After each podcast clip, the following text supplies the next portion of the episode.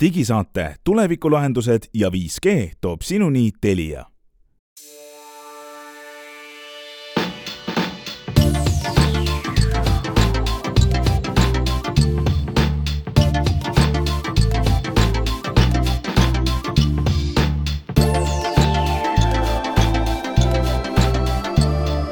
tere, head kuulajad, nimetu digisaade on jälle eetris ja kuupäev on juba kümnes oktoober. täna on Glen Pilvre, Hendrik Roonemaa, Hans Lõugas, oleme kolmekesi, aga tegelikult mitte kolmekesi, vaid kutsume endale palju külalisi, sest tahame teile teha ülevaate koos nende külaliste abiga. Mis seisus on Eestis lõpuks see 5G palju lubatud internet, kas kaugjuhitavad kopad, kirurgid, kes teiselt poolt maakera teevad operatsioone, kas kõik see unistused on saanud reaalsuseks või ei mis päriselt kasu oleme saanud sellest, et äh, kõik kolm Eesti operaatorit on 5G vähemalt mingil moel välja toonud. ja kuhu see maailm nüüd siin lähiajal Eestis minema hakkab, selline saate teema täna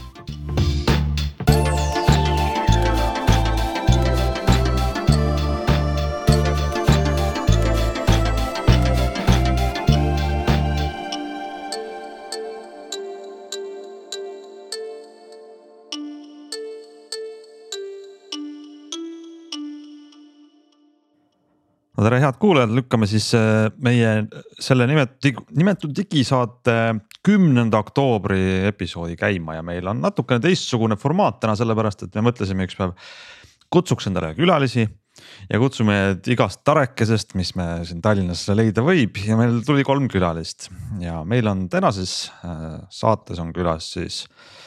Tele2 tehnoloogiaüksuse juht Tanel Sarri, Elisa tehnoloogiaüksuse juht Toomas Polli ja Telia tehnoloogiajuht Andre Visse.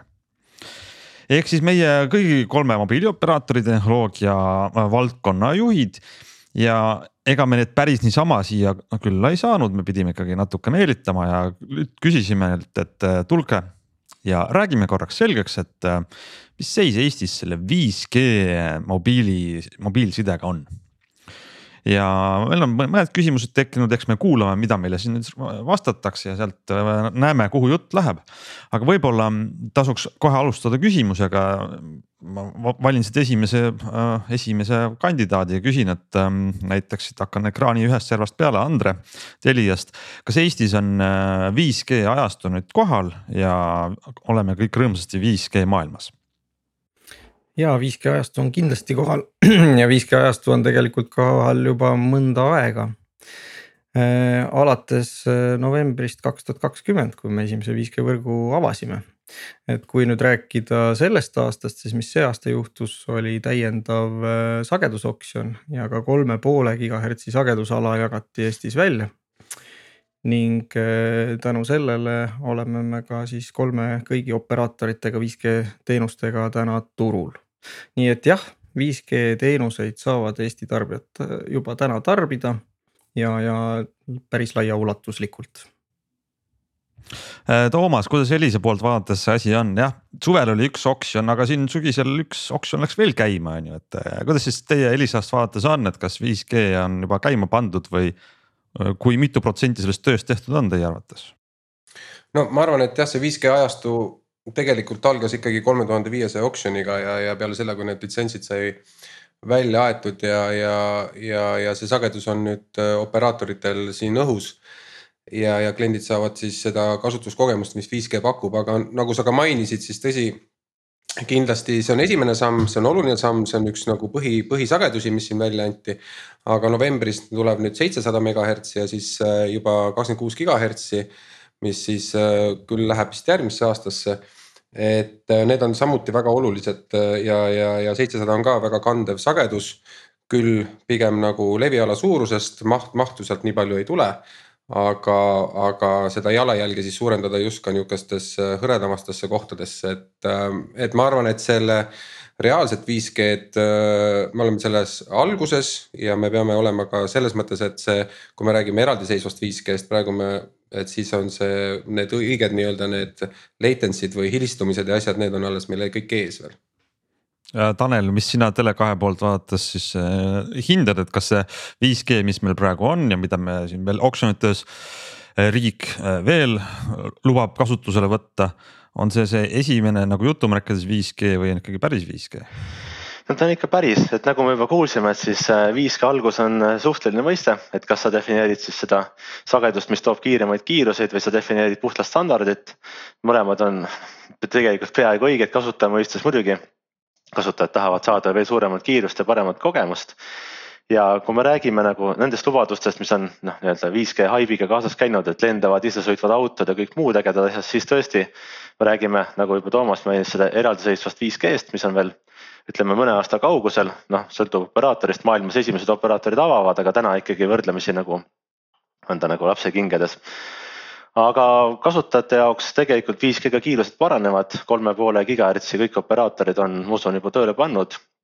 ja tegelikult on tõesti ka teisi sagedusi, nagu sai mainitud, mille peal seda 5G-d teha, nii et Eesti inimesed on 5G-d tunnetamas ja iga aastaga läheb see nüüd järjest paremaks, et natuke jäime maha alguses, tuleb natuke järgi tulla võib-olla üks täiendus minu poolt ka, et, et nagu siit ka sellest varasemast jutust nüüd välja tuli, et 5G äh, standard ei tähenda mingit kindlat sagedust, et see võib-olla on niisugune tavapärane nagu arusaam või vale arusaam turul, et. et oodati justkui seda mingit äh, valgete purjedega laeva, seda kolme poole gigahertsi sagedusala, aga tegelikult 5G-d saab osutada e-, väga erinevatel sagedusvahemikel, kaasa arvatud nendel sagedusvahemikel, mis juba täna te telekomi operaatoritel kasutusel olid varasemate põlvkondade tarbeks.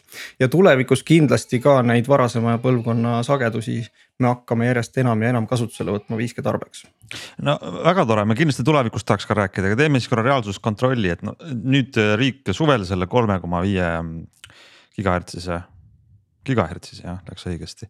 Äh, sageduse äh, pani oksjonil, müüs maha ja võeti kasutusele kolme operaatori poolt mida nüüd siis meie kolme operaatori, teie kõigi tarbijad on saanud tänu sellele, et ma korraks teen sihukese vahekokkuvõtte, et kui ma nüüd parandage mind kohe reaalajas, kui ma eksin, et Telial on see, on see käigus nii koduinterneti lahendusena kui ka mobiilsetes seadmetes. Äh, Elisal on see koduinterneti lahendus ja te olete öelnud, et ilmselt aasta lõpuks panete ka mobiilsetes seadmetes 5G tööle. Tele2-l on see tööl äh, mobiilsetes seadmetes ja koduinternet jah, ma võin alustada seda kommenteerimist, et meie poolt no, on just. siis see selline, et meil nagu pakettides on ta avatud, meil pole veel spetsiaalseid viis pakett, pakette, kuna see leviala on võrdlemisi väike esialgu. aga ta paraneb iga päevaga. et siis me otsustasime, et kuna meie testime võrku, siis ka meie kliendid saavad testida võrku ja. ja, ja, ja hetkel on see nii-öelda kõigile lahti ja tõesti on seadmetes kinni, et, et iPhone'id äh, toetavad alates kolmeteistkümnendast ja siin seadmetootjatega tuleb teha tööd, et saaks need, ütleme just nimelt telefonide poolt äh, need sagedused lahti teha. jah, ma võin siis kohe siit jätkata, et meie puhul on äh, enamus telefone, mis me müüme ja 5G toega on, tegelikult kõik 5G toega telefonid on meie võrgus kasutatavad. Äh, ja, ja 5G on ka nendes seadmetes siis kasutatav ja tänaseks oleme jõudnud juba populatsioonist neljakümne protsendi katvuseni, nii et et tegelikult on see leviala juba päris, päris lai.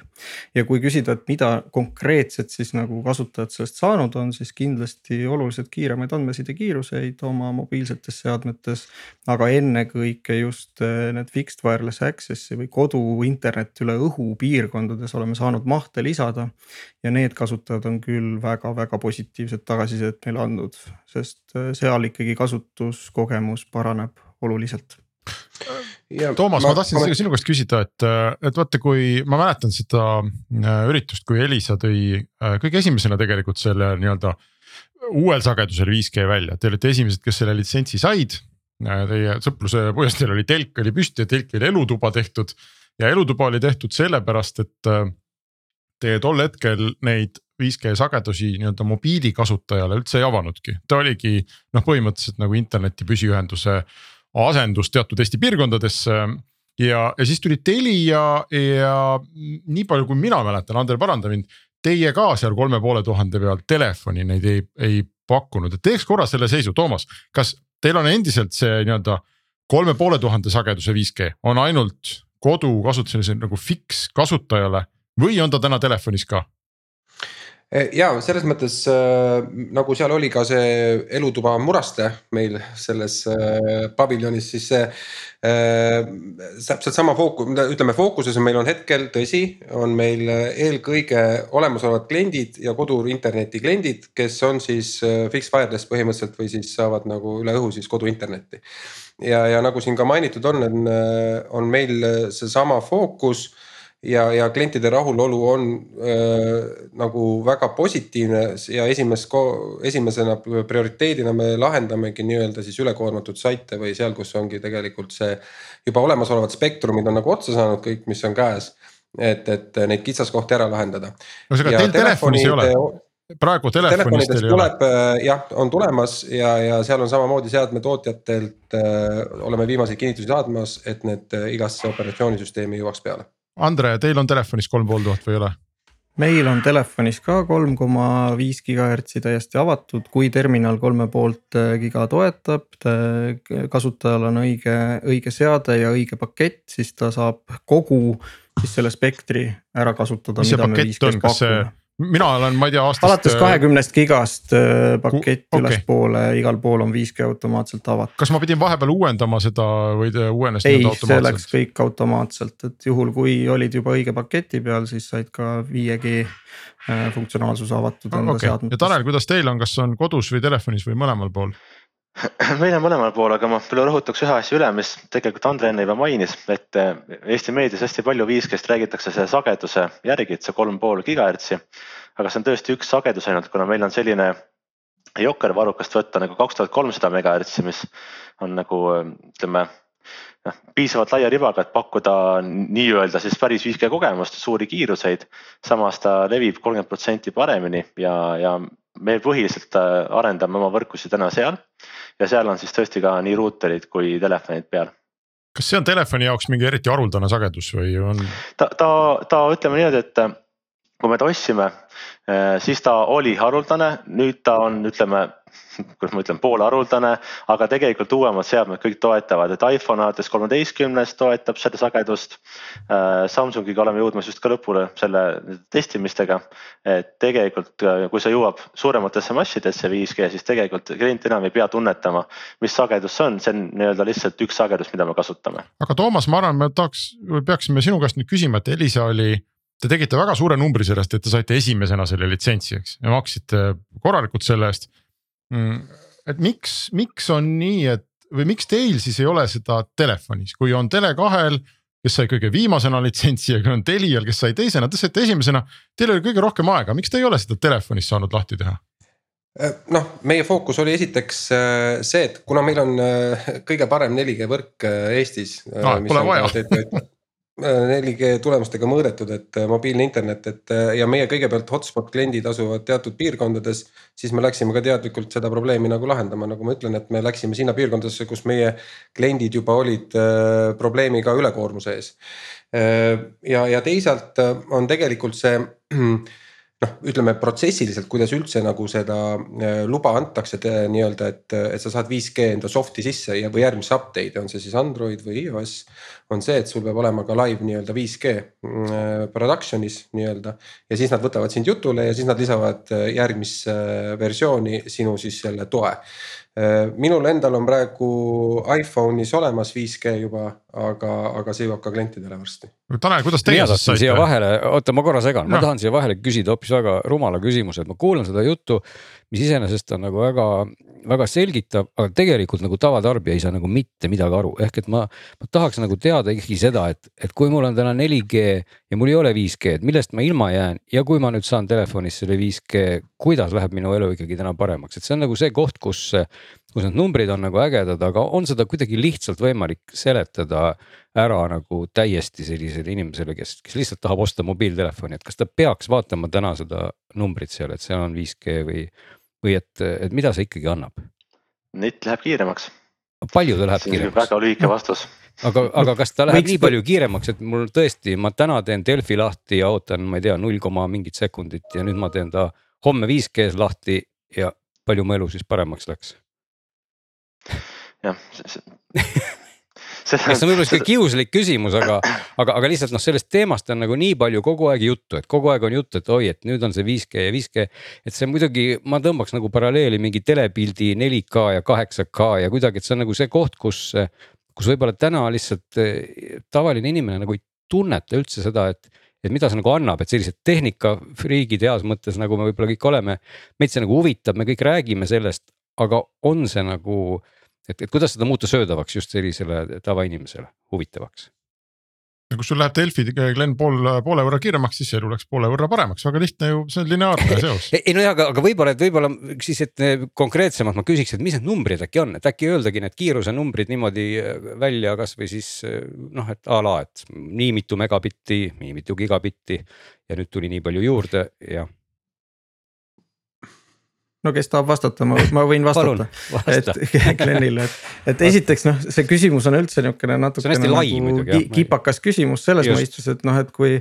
kui sul enne oli taskus 3G telefon ja tuli 4G turule, et kas, muide, siis, kas ma peaks 4G telefoni ja, ostma muide, või ma, mitte. see oli muide, see oli kõigile selge, sest 3G oli ikkagi oma lõpupäevadel oli nagu aru nagu silmnähtavalt kehv. ja, ja muide, muide, see oli väga hea, et sa seda mainisid, ma isegi oleks küsinud võib-olla veel laiemalt, et võib-olla õnnestukski lühidalt kasvõi selle isegi kokku võtta et äh, siin vahepeal on nüüd juttu ka ju, et meil kadusid ära, eks ole, need 3G kõne või noh, nii-öelda see sagedus, et mingid telefonid enam ei toimi. et võib-olla kuidagi võtta hästi lihtsalt kokku kõik need G-d, 2G, mis juhtus. teeme, hoiame, hoiame praegu juttu 5G peal, ehk no, siis, et mis, mis no, minu arust on Glenni küsimus väga õige. Teie, kolm operaatorit investeerivad miljoneid sellesse, et uutele sagedustele avada uued võrgud aga me rääkisime gigabittidest ja millisekundidest, aga kliendi tajutav väärtus selles on, et tema Delfi 4G-s avaneb teatud kiirusega ja 5G-s avaneb natukene kiiremini, et kas te näete, mis seal, mis see väärtus veel on peale selle? see on minu vaatest, kui ma nüüd võin esimesena rääkida yeah,, siis yeah. minu vaatest see on ikkagi sageduste efektiivne ärakasutamine, energia efektiivne ärakasutamine. ja tegelikult valmistumine tuleviku erinevateks kasutusjuhtudeks, tuleviku teenusteks kui me seda kõike täna ei tee, see on nagu muna-kana küsimus natukene, et kui me seda vundamenti ei lao, siis tegelikult ka need uued teenused ei saa millegi peale ennast rajada ega kusagile tekkida.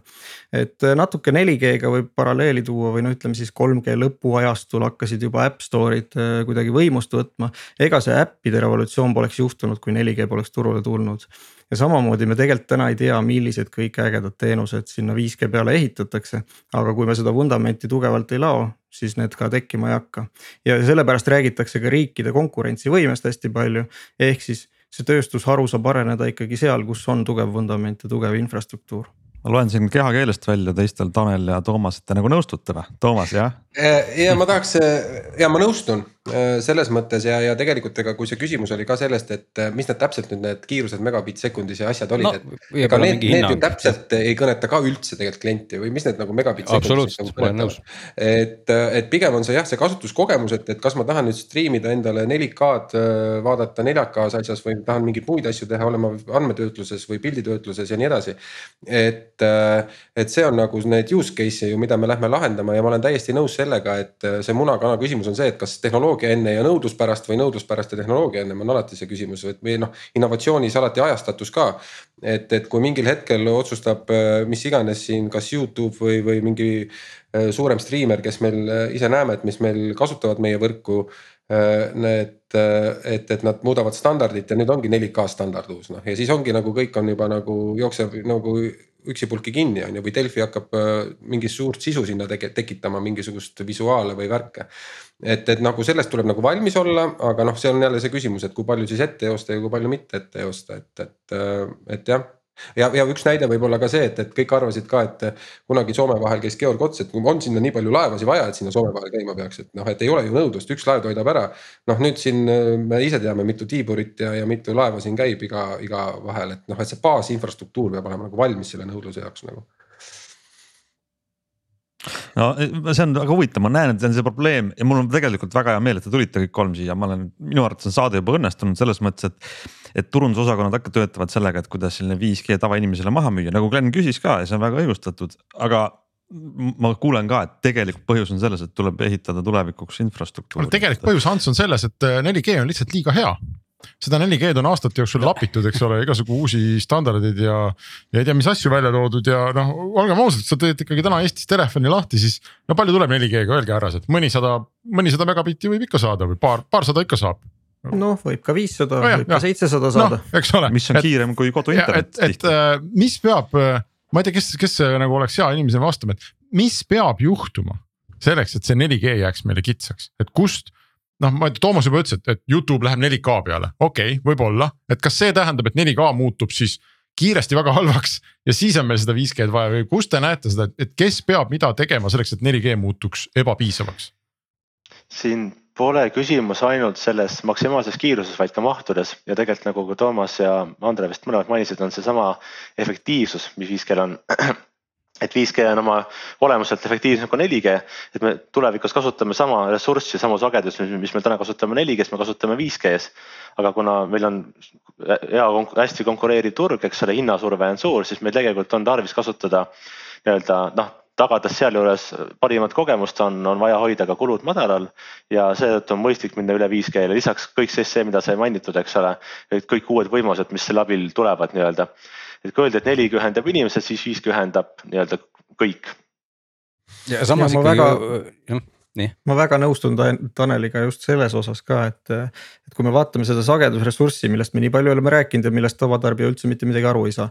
siis noh, see üks asi, millest nad võiksid aru saada, on see, et see on, see on jagatud ressurss ja see on piiratud ressurss. seda ei ole võimalik lõpmatuseni välja anda, vaid see sagedus, mis meil on, seda me kasutame ja nüüd sellest tuleb võimalikult palju efektiivsust välja võtta, et võimalikult palju kasu-, võimalikult hea kliendi kogemus luua sellesama sagedusressursi peal siis ma saakski hoopis. anname Toomasele käsi püsti. okei, tohi. ja ma tooks selle ühe mõõte veel siia sisse lihtsalt, et äh, tuleviku vaatest, et noh, tulevikus 4G äh, jääb äh, põhimõtteliselt kõne, kõnevõrguks suures plaanis, noh Voltest oleme kuulnud juba kõik. ehk et me ju kõik ka siin äh, proovime nendest 3G-st ja 2G-st mingis ajaaknas nagu vabaneda. et jälle noh, nagu siin mainiti varem ka, et need sagedused tegelikult võtta efektiivsemalt kasutusele juba teistes tehnoloogiates. et äh, ja, ja, ja veel kord ette valmistades seda mahtudesse või asjadesse, kui me räägime ka oma nagu rohejalajäljest, siis nagu gigabitt per megavatt on nagu ikkagi 5G-s efektiivsem, on ju. et, et, et kuigi ta tarbib, 5G tarbib olemuslikult nagu rohkem energiat kui, kui 4G loomulikult. aga kui me vaatame jälle seda, kui palju sealt nagu läbi mahub, siis me oleme nagu plussis omadega, ehk et see on kõik asjad, mille peale me peame ka veel paralleelselt nii-öelda mõtlema, et, et äh, nii-öelda taustal. Kas ma siis saangi või noh, tahtsingi ennem nagu kokku võtta niipidi, et oleks õige öelda, et, et siis 5G äh, võimaldab põhimõtteliselt äh, nagu maailma rohelisemalt internetiseerida, kui seda teeb täna 4G, et kas, kas see oleks nagu õige öelda, et ma saangi siis väiksema energiakaoga liigutada neid samu andmeid, mida ennem 4G liigutas. kindlasti on ja siin on ja see töötab kahtepidi, et, et läbi 5G on võimalik luua ka selliseid, ütleme tuua uusi tehnoloogiaid, mis võimaldavad äh, rohelisemalt toimida mingitel teistel tööstusharudel, et see on nagu mitte ainult me ise ei muutu rohelisemaks, vaid me suudame tegelikult muuta kogu maailma rohelisemaks tänu sellele. sest et ega tege-, okei okay. sest ega tegelikult see see valdkond, mida ka Henrik või küsimus, mida ta nagu küsis, et, et, et kuskohast võiks jääda 4G kitsaks, on ka nagu väga põhjendatud, et sest selgelt on näha tegelikult, et selline mis tahes elektroonikatööstus ja, ja kõik üritavad nagu vahelduva eduga tarbijale nii-öelda piltlikult pähe tõmmata midagi, mida neil ei ole vaja, aga mis vajavad suuri andmemahte, noh mul tekib esimene paralleel kohe muusikaga, kus. kus kogu aeg vaikselt meile müüakse nii-öelda jutumärkides maha seda high-res audiot, mis võtab väga palju ruumi, millel ei ole mitte mingit sisu ja nii edasi, eks ole, et, et tegelikult on nagu sellised valdkonnad, kus justkui, kus justkui on näha, et näed, tehnoloogia kannatab, me saame nii palju pumbata, me saame nii palju mahtu anda ja. ja ühtepidi nagu lükatakse käima just nagu midagi, mis, mis räägiks vastu sellele rohelisele mõtteviisile. ehk et võib-olla ei ole vaja, võib-olla kui me kuulame MP3-e, siis jäävad mõned jääkarud ellu versus sellega, kui me kuulame high-res audiot, eks ole, üle, üle 5G, et et natuke, ma, ma nagu näen siin natuke seda serva, et kui palju on sellest sellist reaalset vajadust versus sellist innovatsiooni, mis aitaks lihtsalt eh, hoida elus nagu tööstust ja arengut, eks ole ja pigem see innovatsioon, millele Tanel viitas, on küll, küll selles temaatikas, et kuidas planeeti päästa, kuidas päriselt rohelisemalt mm -hmm. mingeid protsesse ellu viia, noh kasvõi mingeid äriprotsesse automatiseerides. selle juures vähem energiat äh, tarbides, selle juures vähem CO2 jalajälge tekitades. et noh, kõige paremad näited on logistika valdkonnast kindlasti, aga noh, ka näiteks ma võin siin tuua hästi lihtsa näite, et kas on vaja sul äh, kümneid ja sadu operaatoreid Eestis, kes käivad veenäite lugemas kuskil korteriühistustes või sa võtad need äh, näidud sealt äh, üle õhu internetiga ära, on ju. automaatselt, oluliselt täpsemalt ja paremini ja jätad selle jalajälje tekkimata aga kas see koht, millest siin ka vahelduva eduga on olnud nagu juttu ja niisugust nagu hirmu, et, et täpselt sellised ülikõrgsageduslikud 5G nagu nii-öelda, kas siis seadmed või antennid ja võimsused ja ja mingid kuumused ja et, et, et kas seda on võimalik kuidagi ja need hirmud nagu maha võtta et ikka endiselt võib-olla mõned kardavad, et oi-oi-oi, et nüüd 5G telefon võib mul piltlikult peaaju ära praadida, kui ma seda kasutan ja midagi sellist. No, minu arust need, need kartused ei ole nagu põhjendatud, et, et ei ole nagu noh, me oleme ise siin ju noh, ka Terviseametiga kooskõlastame ja nii edasi neid äh, ülespanekuid, et, et et seal ei ole nagu noh, eks need hirmud jäävad alati iga uue asja eest eh, inimestele, et, et, et aga, aga minu, minu vaates need ei ole nagu põhjendatud no meie episood läheb välja kümnendal oktoobril, esmaspäeval, me salvestame seda natukene ette, aga kümnes oktoober peaks olema tähtaeg, kui äh, saab selgeks, et millised Eesti operaatorid tahavad äh, oksjonil äh, osaleda seitsmesaja megahertsi sageduseks. Ma ei tea, kas te nüüd saate siin öelda enne seda tähtaja kukkumist, äh, mis te teete või, või on see konkurentidele millegi paljastamine, aga kolm, läheb vist kuus sagedust äh, igaüks saab osta maksimaalselt kaks. see oleks päris huvitav, kui mõni kolmest siin stuudios ütleb ma just mõtlesin, et ma jään nii üle salapäraseks, et, et ma ei ütle see oleks küll hea nali, aga mis siis tähendab, et praegu on mingisugused, te panete mõnes mastis selle kolme koma kuue gigahertsise sageduse tööle ja see leviala on siis kui, kui väike see leviala on praegu ja kui suur leviala siis selle seitsmesaja megahertsi peal võiks olla, et. mida see siis praktikas tähendab nende inimeste arvu mõttes, kes saaks teenust tarbida? No piltlikult öeldes võib paralleeli tuua siin 4G-ga, äh, kus meil on samamoodi, meil on madal sageduskiht, millega me pakume katvust ja siis meil on kõrgsageduskiht või kõrgema sageduskiht. millega me siis pakume seda capacity't või seda siis mahtu sellesse võrku ja, ja, ja kui meil täna on 4G-ga, kus me kasutame siis äh, kaheksasaja megahertsi sagedusvahemikku, on katvus üle Eesti niisugune üheksakümmend üheksa koma pluss, pluss, pluss äh, protsenti siis, äh, siis selle seitsmesajaga saab see samamoodi olema see katvus täpselt samas, samas augus. aga, aga sisuliselt seal... levi omadustelt on see seitsesada väga sarnane kaheksasaja megahertsi. aga, aga seal rannakülas, kus mul nüüd seitsmesaja megahertsi peal 5G hakkab mulle tulema, kas, kas see toob mis see, mis see tähendab mul kiiruse ja mahu mõttes, mida ma siit kätte saan? See jällegi oleneb, kuidas on operaatorid, äh, kuidas operaatorid oma võrku ehitavad, aga kindlasti kombineerides need kaks sagedusressurssi, kaheksasada ja seitsesada, saame me oluliselt parandada ka nende inimeste äh, võrguteenuse kvaliteeti, kes jäävad just selle leviala piirimaile, ehk siis nendeni levibki ainult see madalsagedusriba. mis oma olemuselt väga palju mahtu ei paku ja, ja, ja läbilaset ja noh, need ongi need kindlasti need pered ja, ja, ja inimesed ja asukohad, kus äh, väga vajatakse seda lisasagedust. et noh, me saame neile ikkagi võrdväär-, noh nihukest võrdlemisi okei okay kiirusega internetti üle õhu pakkuma hakata, et kui see täna võib jääda seal nihukese kümne megabitise kiiruse kanti või isegi alla selle. siis, äh, siis loodame, et seitsmesaja lisandumisega suudame neile vähemalt nihukest viiekümne megabitist allalaadimise kiirust pakkuda. noh, sihukesed suurusjärgud võiks tuua aga ma küsin ühte asja veel kohe, Toomas natuke paljastas seda, kuidas seadmetootjad 5G-d lubavad kasutada eri võrkudes, et kas see, see sageduste mm, lisandumine seal ka mängib rolli, et kui alguses oli kolm koma kuus ja nüüd lisandub seitsesada, et tuleb uuesti nii-öelda äh, siis äh, sertifitseerida või mis iganes see protsess on ei, ei selles mõttes, kui me räägime nüüd kodu internetiühendusest, kus on nagu äh, siis need äh, noh, ega iga operaator valib endale ruutereid, aga ma arvan, et iga operaatorgi valib juba pikema perspektiiviga, et need. Äh, noh, koduruuterid on ka erinevates generatsioonides erinevate võimekustega ehk et need ongi ega, ega ka praeguses me oleme näinud, et need ruuterid, mis kunagi klientidel on ammu aega tagasi ostetud, ega tegelikult uued ruuterid juba suudavadki rohkem sagedusi vastu võtta ja kombineerida juba neil seda tarkust ka. ehk et äh, ma arvan, et meil on kõikidel operaatoritel see roadmap'is juba see tulevikuvaade olemas, et, äh, et, et nad saaksid juba need, et nad ruuterit ei peaks vahetama nüüd, kui see seitsesada tuleb, kui nad on just asja soetanud. kui on väga vana asi, siis loomulikult on jälle see küsimärk, et äh, see võib täiesti aidata, on, on vähemalt meie näitel neid kogemusi kas telefonitootjatega on sama seis? Telefonitootjatega ei tohiks olla, noh, ütleme uued mudelid on juba ikkagi võtavad neid asju arvesse, et, et, et seal ei, seal ei pruugiks olla. kas see, ma hakkasin praegu mõtlema, kas see seitsmesajane sagedus äh, annab äh, võib-olla päris hea sellise üks-ühele võrdluse neli ja 5G kiiruste vahel või noh, et kui meil 4G praegu on, mis ta on, kahe poole tuhande peal, eks ju, 5G on kolme poole tuhande peal, noh siis on loogiline, et juba sagedusala näitab, et noh, et sealt läheb rohkem läbi, et ta on kõrgema sagedusega, on ju. aga kui, kui see nii-öelda maa, maal olemise sagedus neli ja 5G vahel on suhteliselt sarnased. palju olete proovinud, mis sealt see kiiruse vahe siis tuleb? seitsmesaja pealt 4G-d tuleb palju, mõnikümmend megabitti tuleb läbi või ei tule?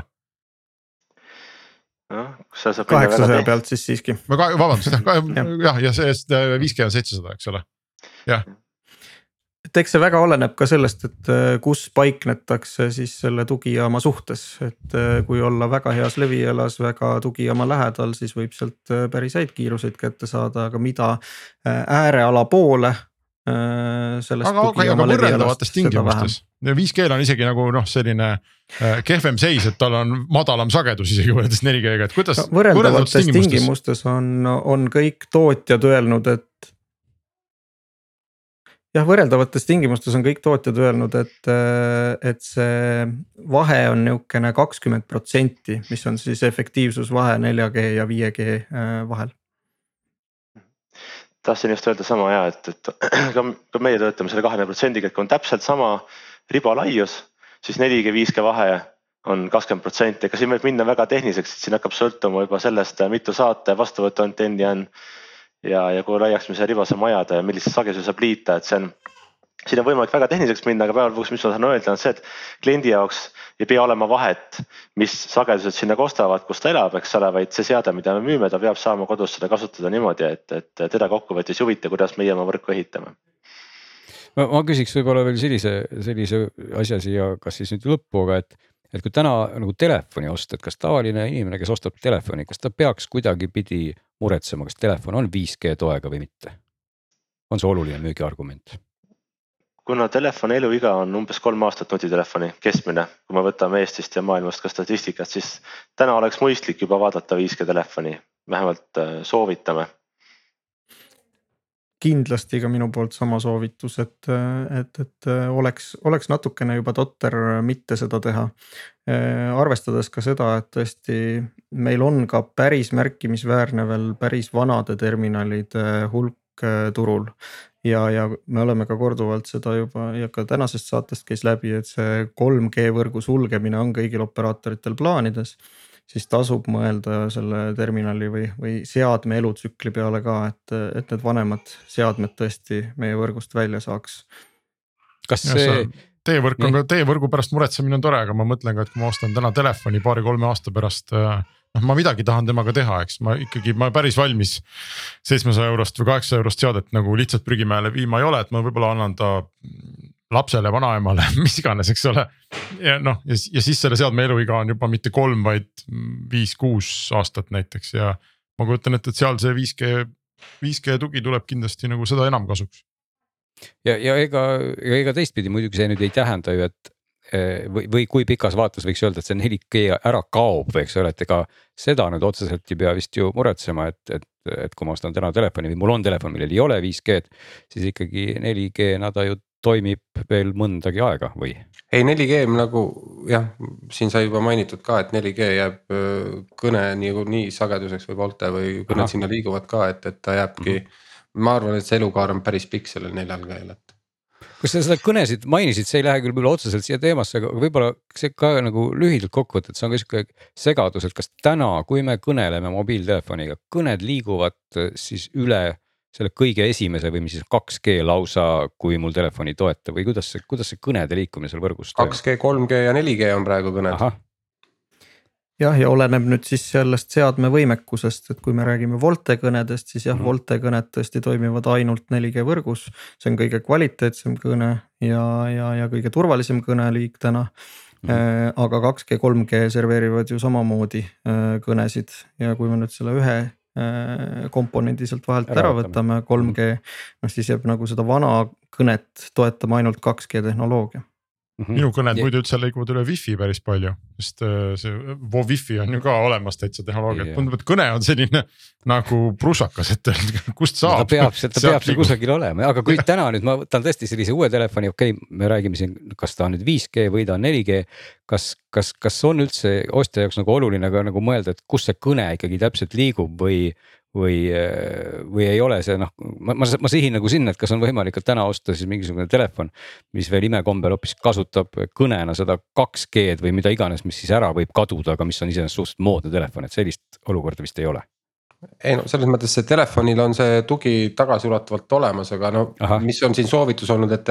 et ei ole enam mõtet, noh, ma arvan, et, et, et see jääbki väike, aina kitsamaks nišiks, kes üldse ostab telefoni, kellel ei ole ka 4G tuge on ju. et mm, -hmm. kui sul ikkagi 4G tugi juba telefonis on, siis on nagu noh. siis on hästi mm. -hmm. siis on hästi, siis. aga oluline, oluline siinkohal on tähele panna, et 4G tuega telefon ei pruugi veel Volte kõnesid toetada, et seda ja. peab ka jälgima ja täna kah kahjuks müüakse veel Aa. Äh, seadmeid, mis on 4G toega, aga ei toeta okay ei toeta siis kõnesid. nagu kõnesid üle 4G sisuliselt või Volte kõnesid mm. -hmm. et ka neid seadmeid kindlasti ei tasu tänasel päeval endale soetada ja samas saab nendega ikkagi kõneleda siis selles 2G võrgus ikkagi, mhm. eks ole, et, et see ongi see koht, et neid seadmeid, mis siis ainult 3G kõnesid võimaldavad praktiliselt, praktiliselt ei ole või?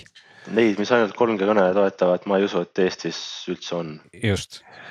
no selles mõttes ma ütleks nii palju, et need kindlasti võib olla, aga noh, kui siin need teha mingisugustki nagu ühise või noh, üleskutset, siis noh, ma arvan, et operaatorid kõik testivad ja, ja vaatavad oma telefonid üle, mis neil nagu valikutes on, et, et operaatorite juures saab kindlasti nagu sellise telefoni, mis toetab äh, Eestis levivaid sagedusi ja asju, et, et versus siis a la kuskilt kuskilt tuues või nii-öelda mis iganes kaudu ostes on ju, et, et see on alati see vahe nagu tuleb sisse ka väga hea, äh, enne kui me nüüd oma jutu otsad kokku tõmbame, mul on varrukas üks äh, Jokkeri kaart, ma tahaks sulle ühe küsimuse panna lauale, kuna me oleme, te olete kõik kolm siin meil ilusti saates. Ehm, siis te olete siin rääkinud sellest, et 5G toimub ka kodu internetiteenusena. Äh, mõned inimesed, kes ei ela linnas, elavad maal, võib-olla saavad seda nautida, mõned mitte. aga hiljuti tuli meile üks uus teenusepakkuja Eestisse kes ei tulnudki otse meile, vaid kosmosest on pannud satelliidid üles ja siis pakub läbi Starlinki inimestele sellist püsiinternetti.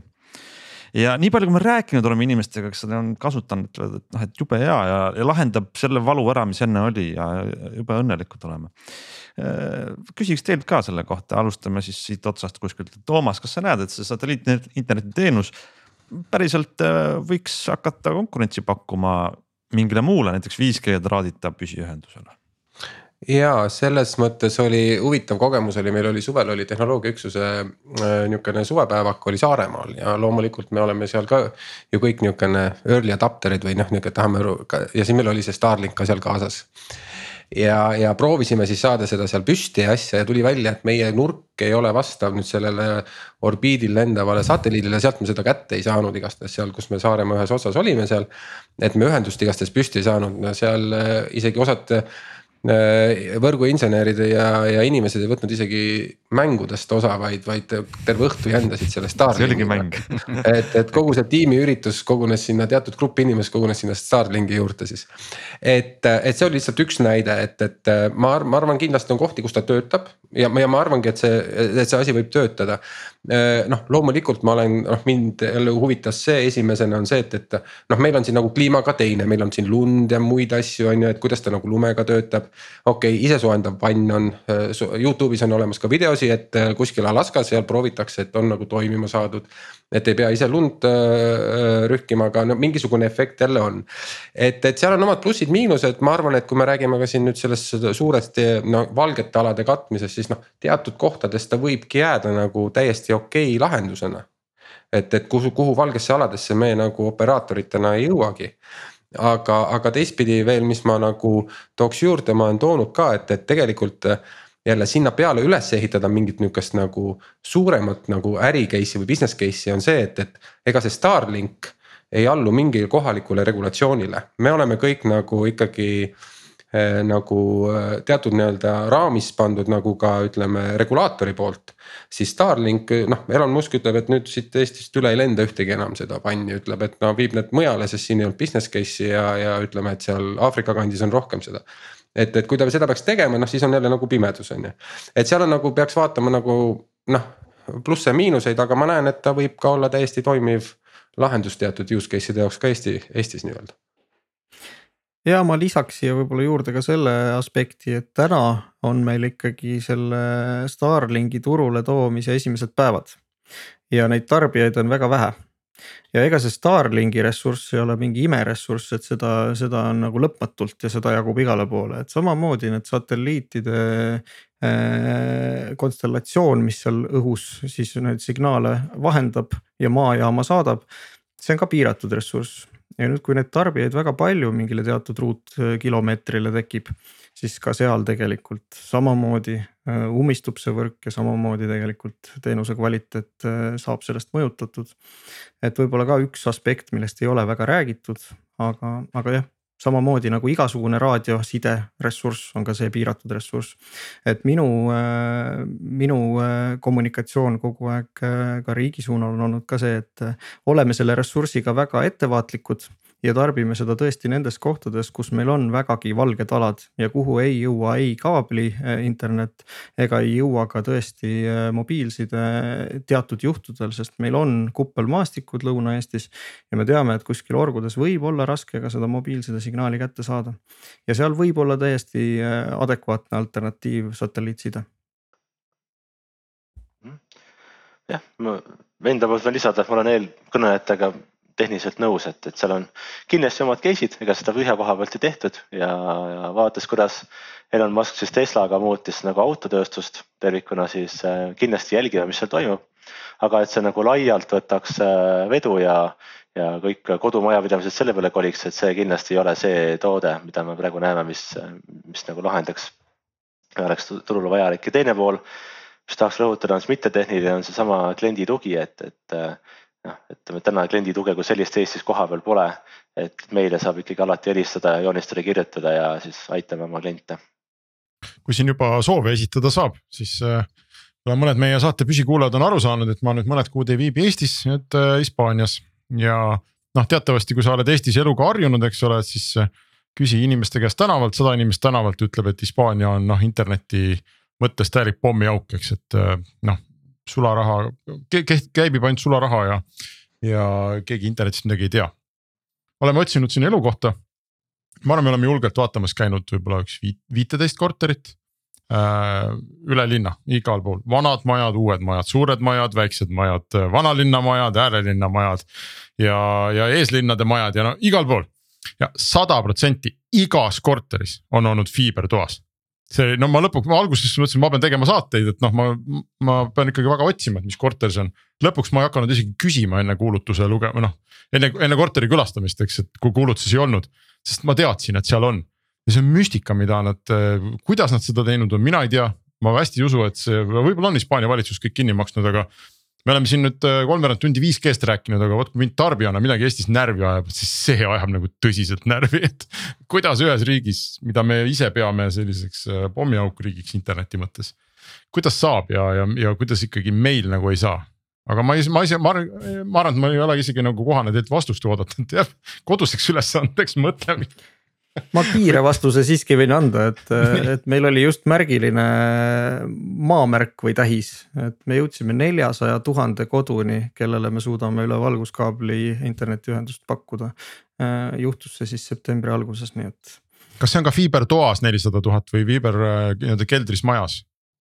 see on homes passed ehk siis võimalus fiibrivõrguga liituda. aa, see on võimalus, aga ta ei ole toas aga ta ei pruugi alati olla toas ja kortermajades võib ta tähendada seda, et me läheme Cat5 või kuus kaabliga korterisse. Mhm. aga mm, -hmm. aga fiibriga tuleme siis majja jah. ja kusjuures see on siin huvitav, et ega see ei ole nagu mingi telefonika fiiber, vaid noh, see ongi lihtsalt fiiber, et äh, ma võib-olla järgmiseks saateks võtan kätte, uurin välja, et kuidas nad seda siin teinud on, et. et no ei ole nii, et iga, iga operaator peab mulle seda fiibrit sinna eraldi vedama, vaid kuidagi see, ma saan ise valida, kellega ma liitun. Hästi on tehtud sa oled kuskil heas nihukeses rikkas Hispaania, mingi Marbella või Barcelona, kus sa Barcelona, kus sa oled seal nagu? aga milline on rikas Hispaania kant, Toomas, ma isegi arvan, et kui meil GDP. Kataloonia. ei, ei ole Barcelonas muide, ei täitsa Lõuna-Hispaanias. vaeses kandis. pigem küll jah, ma arvan küll pigem vaeses kandis ja noh, hetkel hetkel ma olengi nagu isegi selle vaese kandi nagu äh, sellises talu, talupoeglikus nurgakeses, eks, kus äh, ümberringi on põllud ja inimesed korjavad käsitsi saaki, et noh, selles mõttes ei ole nagu Porschesid ja Ferrarisid ei näe siin aga on internet. ja ka on fiiber ja, ja pakutakse gigabitti ja see kõik on väga odav. No tore, unistuste maa, ootame oh,, et. interneti mõttes küll. kas 5G-ga või mingil muul moel ka tuleks kohale. ma arvan, et ütleme Toomasele, Andrele, Tanelile suured tänud, et tulite, ma arvan, et meil oli äh, väga tore teiega rääkida ja kuulajad said ka palju targemaks, nii et järgmise korrani ja sellega võime öelda aitäh meie külalistele Elisast, Tele2-st, Teliast. 5G äh, osas saime natukene valgust heita äh, asjade seisule. Äh, ja oleme tagasi teiega juba järgmisel nädalal